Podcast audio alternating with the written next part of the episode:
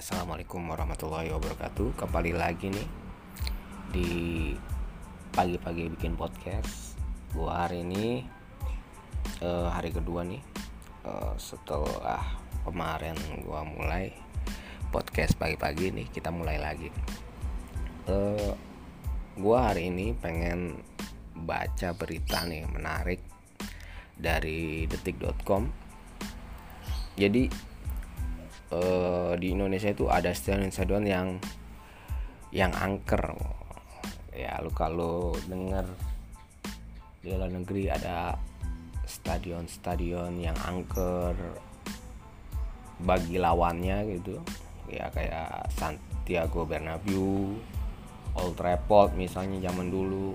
Jadi aura keangkeran itu ya maksudnya angker itu ya lebih banyak kalah lah.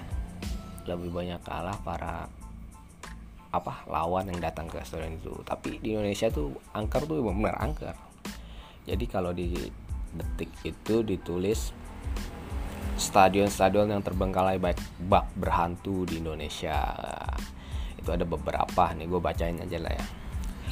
Uh, dia mulai dari Stadion Andi Matalata di Makassar jadi soal karena kondisinya yang tak terawat tapi itu bukan satu-satunya stadion terbengkalai di Indonesia. Ada banyak alasan menjadi terbengkalai mulai dari utang piutang terputusnya alokasi dana Pemda hingga kasus korupsi. Pengelolaan pasca Pekan Olahraga Nasional juga menjadi salah satu momok dalam kasus terbengkalainya stadion. Setidaknya ada tiga stadion yang dilupakan setelah selesai penyelenggaraan PON, yaitu Stadion Palaran, Stadion Utama Riau, dan terkini Stadion Gelora Bandung Api. Terus Nah, ini juga ada tujuh stadion yang terbengkalai di Indonesia. Nah, ada Stadion Palaran, Stadion Utama Riau. Nah, di nomor 4 ini menarik ini, Stadion Benteng. Ini stadion kebanggaan kita semua ya. Jadi di detik.com di rubik sepak bola. Ini beritanya tanggal berapa ya? Ini tanggal 23 Mei 2020 jadi mendapatkan nominasi keempat cok. Stadion terbengkalai yang yang angker ya udah mulai tampak kayak rumah hantu gitu Persita Tangerang dan Persita Tangerang pernah diidentik dengan Stadion Benteng tulis dari media tersebut. Meski kondisi stadion tak bisa dibilang bagus kedua klub pernah mencuri perhatian insan sepak bola Indonesia kala masih berkandang di sana. Nah, ini jadi katanya kondisi stadion di sana rumputnya sudah tinggi-tinggi tidak terawat seperti itulah. Uh, ini juga um, keprihatinan gua lah ya. Ini gua dulu pengen jadi atlet sepak bola pengen bertanding di stadion benteng dulu sampai lain gak ngerokok sampai sekarang akhirnya ke bawah gak ngerokok pengen jadi ada sepak bola. Tapi ini ada apa tuh stadion benteng nggak terawat katanya. Kalau di sini kata dia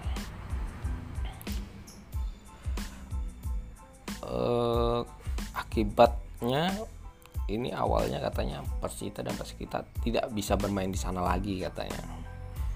Kondisi itu perlahan-lahan membuat stadion benteng tak terawat. Rumput, rumput alang-alang yang sudah tinggi saat stadion aktif digunakan pun makin meninggi kala ditinggal kedua klub. Ada seperti itu.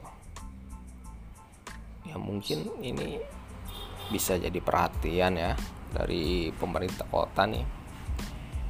Ya Mengalokasi mengalokasikan lah anggaran atau personilnya untuk merawat. Ya karena gini ya. Lu kalau ke luar negeri misalnya ke apa? Ke Spanyol lu kan pengen main ke stadionnya Barcelona pengen main ke stadionnya Real Madrid gitu ya. Ya lu misalnya eh inilah ikon ya ikon kota itu banyak yang stadion misalnya Manchester Old Trafford. Kalau nggak salah stadion apa?